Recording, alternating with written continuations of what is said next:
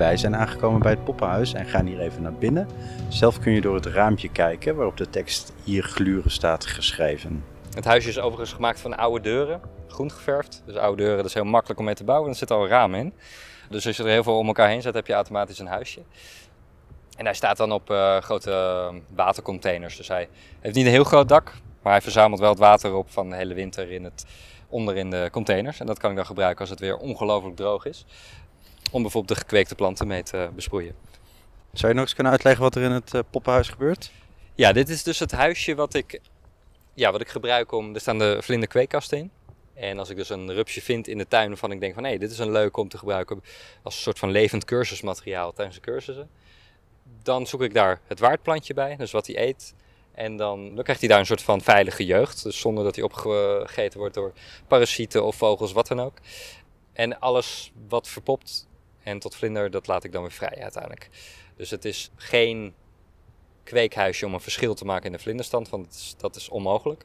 Er is een hele goede reden waarom bepaalde rupsen het niet redden en opgegeten worden. Dat is gewoon omdat nou, ze te slecht gecamoufleerd waren of slecht gedrag hadden. Dus die moeten ook gewoon uit de genepool gehaald worden. Dat is een heel goed idee. En als je die allemaal op gaat voeden en dan krijgen we allemaal uh, gekke vlinders die eigenlijk uh, niet zo'n hele goede kans van slagen hebben in de, in de echte wereld. Maar goed, voor de cursussen is het uh, fantastisch om dat soort dingen te laten zien. Dus we kunnen naar binnen kijken en dan zou je een aantal kweekkasten zien. Dit is wel einde seizoen, dus alles is een beetje leeg. Ik heb één overwinteraar die ik kan laten zien. Dus die gaat vanaf nu overwinteren. Maar je kan er wel een goed idee van krijgen. Dus nou, het klein hockey, veel raampjes, hangen drie kweekkasten. Vaak heb ik ook planten losstaan waar dan nog losse eitjes op afgezet zijn. En die dan vol, bijvoorbeeld volgend jaar pas uitkomen. Kunnen we hier eitjes zien dan bijvoorbeeld? Nou, sterker nog. Nou, dit is sowieso een, een moeilijk project, vind ik. Dit zijn uh, eitjes van het geaarderd witje. Is eigenlijk wel een soort die uitgestorven is in Nederland. En die heb ik ooit bij de knijpertjes erop gedaan. Uh, die rupsjes zijn al uitgekomen, die zijn heel klein. En die, die gaan zo de winter in. Die gaan pas volgend jaar meer eten. En dan, dan komt er één generatie uit, zeg maar. Ik heb ook omdat halverwege de meidoorn dacht van... ik ga lekker dood. Heb ik het nog niet over mijn hart durven te krijgen om echt te gaan zoeken. Want ik... Nou ja, ik moet nog even zien of ze in leven zijn. Maar goed, in een gunstig geval dan uh, zitten die er nog ergens. De meidoorn krijgt alweer het groene blaadjes, dus uh, misschien is er hoop. Maar het grappige is bijvoorbeeld hier, kijk er zijn heel bijvoorbeeld kokonnetjes nog die dan uitgekomen zijn. Die hou ik dan ook voor de cursussen erbij. En dan kan je goed het verschil zien. Kijk nu, de dagvlinderpoppen die liggen nu ook op de grond in het schaaltje, maar die hangen meestal. En al die andere wat donkere gekleurde poppen, ziet een beetje mummieachtig uit bijna. Die zijn van nachtvlinders. En soms bouwen ze dan nog een huisje, zoals die middelste. Dus daar zit een andere pop ze daar dan in. Dus er is een verschil tussen pop en kokon. Kokon is wat hij bouwt. En de pop is eigenlijk de, de rups of vlinder zelf. Wat zien we hier? Dit zijn uh, vervellingen. Dit is niet van een inheemse rups. Want die zijn vaak echt weet je, een beetje te delicaat om dan nog te bewaren en te gebruiken tijdens de cursussen. Dus van andere vlindertuin heb ik wat van wat grotere motten, heb ik de vervellingen van die rupsen bewaard. Om aan te geven, zeker maar kinderen, werkt het altijd wel goed als ze zien van, oh ja, dit is, dit is hoe vervelling eruit ziet. Hebben zij meer het idee van, nou, ik ben te lang in de zon geweest en dat soort vervelling. Maar dat ze echt uit hun huidje kruipen, vinden zij moeilijk om voor te stellen. Dus daarom heb ik deze vervellingen van nou, best wel grote nachtvlinderrupsen ter illustratie. Even kijken, nou, dus nu op het tafeltje zie je en een kweekkast. Maar ik ben dus ook heel veel zaden aan het verzamelen uit de tuin. Om later dus zelfs combinaties te maken van, van zaden voor bloemenweides.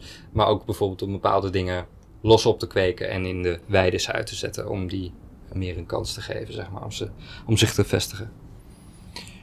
Normaal staat het dus helemaal vol met allemaal verse plantjes en rupsjes. En, uh, maar dat is natuurlijk vooral in juni. Een, uh, nou, dan, is het, dan is het hier magisch. heel veel rupsjes, heel veel plantjes. En ja, dan moet je ook af en toe de deur openzetten, want dan moet er naar buiten gevlogen kunnen worden. Maar goed, nu is het meer einde seizoen. Er zijn wel rupsen, want we hebben ze gezien. Maar in principe, kijk, uiteindelijk ben ik ook een beetje lui.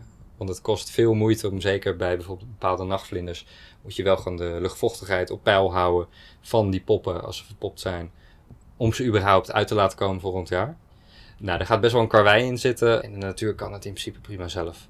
Dus zeker nu vind ik het ook wel een verademing om even alles zijn gang te laten gaan. Kijk, ik heb ze wel, dus nu is dit mijn enige project bijna. Je zou niet denken, dit is een kokon van de hermelijn, rups, vlinder. Ja, die heeft één generatie per jaar, heeft zich nu, heeft een kou op het hout, heeft een kokon om zichzelf heen gemaakt en daar is in gaan verpoppen. Ja, en af en toe moet ik dat even bespuiten met water, in de hoop dat de luchtvochtigheid genoeg is. Ja, dus dat zijn nog dingen die ik af en toe doe. Maar in, in principe in de winter gebeurt hier vrij weinig. In principe is het huis gebouwd zonder isolatie, wat dan ook. Want het moet lekker koud zijn. Wordt het te warm, dan komen, zouden bepaalde beestjes al beginnen aan de lente. Maar de planten staan hier dan zeg maar los in of worden die allemaal in die kastjes geplaatst? Dat verschilt. Dus bepaalde kastjes zitten dan dicht, eh, staan de planten erin en de rupsjes erop. Bepaalde rupsen waarvan ik denk van, ah, eh, je hebt, sommige rupsen ben ik, ja, die zijn wat, of wat zeldzamer, of daar doe ik wat meer mijn best op, die gaan in een apart kastje. En als een rups van zijn plant afvalt en hij vindt de plant niet meer terug, gaat hij gewoon dood. Bij sommige vlinders, bijvoorbeeld als ik, soms zet ik ook gewoon hier kool neer. Dus ik denk van, nou, ik wil veel te laten zien hebben, of ik ga een, een cursus ergens anders doen, ik wil een kooltje meenemen met heel veel rupsen erop. En ik vind ergens eitjes in de, in de tuin, zet ik een kooltje neer, eitjes erop. Nou, dat hoeft echt niet in een bakje, dat komt wel goed. Dus er komen voldoende rupsjes uit. En dan kan het gewoon hier los in de ruimte staan. En dat, dat is ook prima. Maar ze kruipen dus los rond hier, die rups ook. Hier in de kweekkastjes wel. En op de plantjes dus. Ik had dit jaar had ik ook dat een aantal koolwitjes dacht van nou, we laten ons vallen van de waardplant, dus van de kool. En we gaan op pad. Nou, er, is op zich wel een kans. Kijk, er zitten allemaal kieren in de vloer. Uiteindelijk vinden ze buiten vinden ze wel iets, familie van de kool, koolzaad bijvoorbeeld, dat ze dan kunnen gaan eten. Maar in principe, voor een aantal vlinders zou dat niet echt een goede move zijn om hier rond te gaan lopen. Maar normaal is dat ook niet in het gedrag van een, van een rups om random te gaan lopen. Tenzij ze gaan verpoppen. En dan maakt het in, in principe niet uit. Maar zelfs dan is het ook fijn om ze nog in een kastje te hebben. Dat je niet ergens een, een nachtvlinder in een, een kier hebt gaat verpoppen waar je ook af en toe wat dozen neergooit bijvoorbeeld. Dus die wil je dan gewoon veilig ergens in een eh, bakje waar ze zichzelf kunnen ingraven. We zijn eerder bij het Amstel Hotel gestopt om Ignas van Schaik heeft daar verteld over de Amerikaanse rivierkreeft, Ja. die heel Nederland veroverd heeft. Maar dat is dus echt een beest wat territoriumdrang heeft en dus steeds echt over fietspaden gaat kruipen om weer Ja. nieuwe wateren te ontdekken. Maar dat is bij de rupsen dus niet het geval, die terri- De rupsen, mm, nee, geen ter- territoriumgedrag. Misschien onderling. Het zijn een aantal soorten zijn cannibalistisch bijvoorbeeld. Nou, daar is dat misschien wel aan de orde. Rupsen hebben meer een neiging, zeker de wat grotere. Die zijn ook wat meer bewust van de omgeving. Stel, er komt een vogel aan, stel, wij komen eraan. Om bepaalde houdingen of andere middelen in te zetten om jou te imponeren. Om niet gegeten te worden, maar het is geen territoriaal eh, gedrag meer van eet mij niet op gedrag.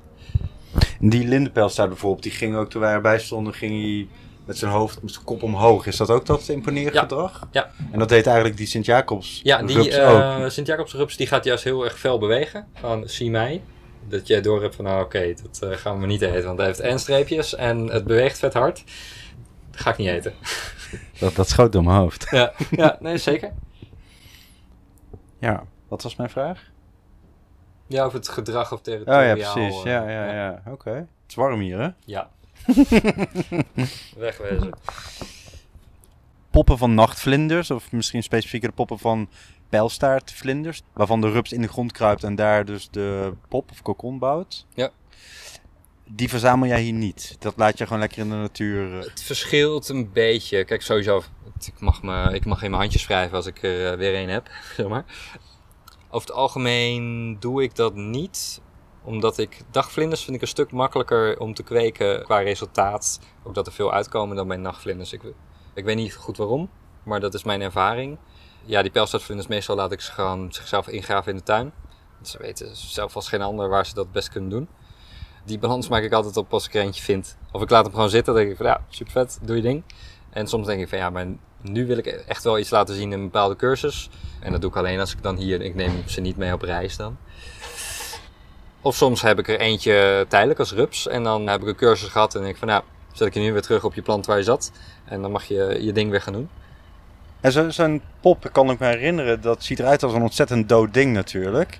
Ja. Maar ik kan me ook herinneren dat die best zou kunnen bewegen nog als je Ja. die eh vastzet. Zeker in het begin, dan kunnen ze met een staartje een beetje zwiepen. Hoe ouder ze zijn, hoe minder ze dat doen. Ja, maar zeker die, die nachtvlinderpoppen zien een beetje uit als een soort van ja, fossiel bijna. Of een soort van mummieachtig eh, ding. Waar je wel echt alle onderdelen al bijna in ziet. Dus het kopje, de vleugeltjes, alleen een beetje soort helemaal ja, versteend bijna. Dagvlinderpoppen zijn echt prachtig. Verschilt per soort, maar sommige zijn echt gewoon kleine vossen, bijvoorbeeld ja, bijna goudkleurend, weer, weer spiegelend. Sommige hebben hele gekke punten erop, of chrome stippen. Of... Ja, dus die zijn super, super divers in, in het uiterlijk daarvan. Dat zagen we net hier binnen al inderdaad. Ja, ja, ja, en zelfs deze zijn eigenlijk al een beetje verdroogd en wat dan ook. Maar de vorm zag je eh, sowieso met allemaal punten. Dat was van de dagbouwoog. Maar als die zeg maar, want deze, ja, die zijn dood, maar als ze levend zijn, dan, dan zijn ze een soort van, verschilt ook per, per pop hoor, maar het zou een beetje groen weerschijnend zijn. Het is echt magisch om te zien. We lopen even om de tuin heen, achter het poppenhuis. Ja, dus rondom het poppenhuis heb je dus een, grasweide. En je ziet een aantal plekken die ik dan uh, gemaaid heb.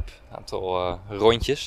Dat is eigenlijk de, de camping voor de nachtvlindernacht. Dus zelfs grasland moet je wel eens maaien, ook al moet er gras staan. Maar die diversiteit krijg je dus door het maaien. En de campingplaatsjes is eigenlijk mijn maaibeleid. Dus die campingplaatsjes staan elk jaar staan ze op een andere plek, zodat het langste gras twee jaar staat. Ik zie echt heel veel van die geel-zwarte spinnen trouwens hier. Nog meer? Jazeker. Um, ja. Waar zag ik hem net? Nou, ik zie er hier een. Die is daar al een, eh, een springhaantje aan het oppeuzelen.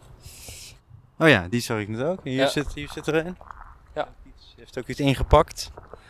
Aparte beest hoor. Ja, dus dat wordt even bezien bij de camping. Ik denk dat die volgende week is de eerste. Dan kun je alle spinnen even inpakken en later weer terugzetten.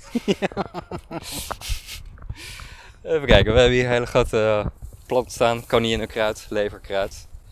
Ik zie nu even geen, geen vlinders. Maar doorgaans is dit territorium van het mannetje van de kleine vos. Maar die, eh, die ontbreekt helaas. Maar het is wel een hele, hele waardevolle nectarplant. Hm. Want naast vlinders heb je hier dus automatisch ook veel. Oh, hier vliegt weer een vlinder voorbij.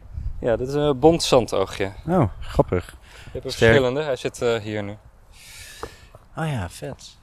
Ja, ja, dus dit is een typisch vlindertje dat op grasland zit.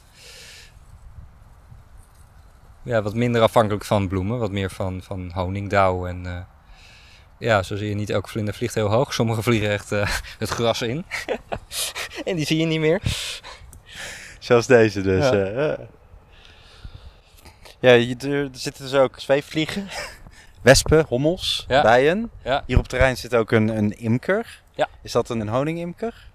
Ja, nou, imkers zijn, zijn altijd, die hebben honingbijen voor de honing. En natuurlijk heb je ook nog nevendoelen als het bestuiven van bepaalde, nou, bijvoorbeeld een boomgaard of iets dergelijks.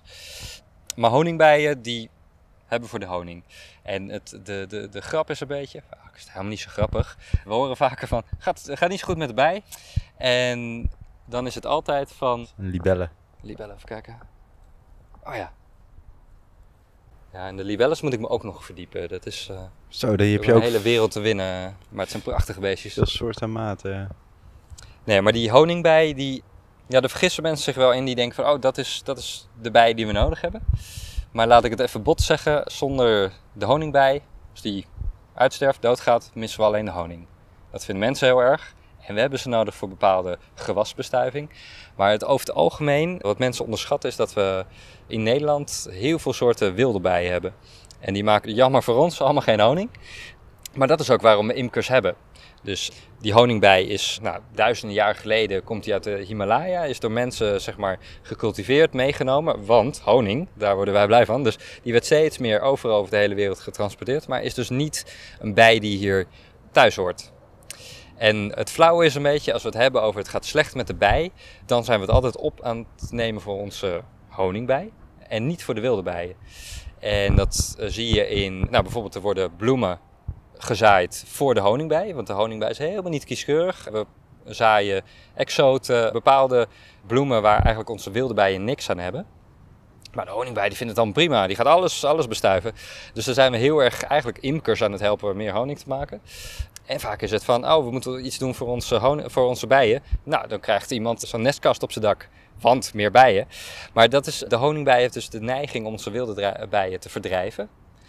En we zaaien dus eigenlijk de verkeerde dingen in. Dus we zijn eigenlijk de verkeerde bijen aan het, aan het promoten.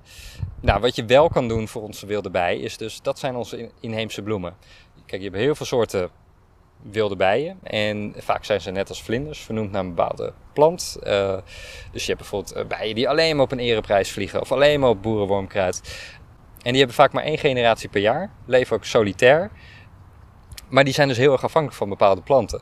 En dat zijn dus de bloemen die we moeten terugbrengen in de zaaizakjes die je haalt bij een tuincentrum. Of, maar die bijen zijn vaak beter in bestuiven dan de honingbij. Want ze zijn echt gemaakt voor een bepaalde bloembestuiven.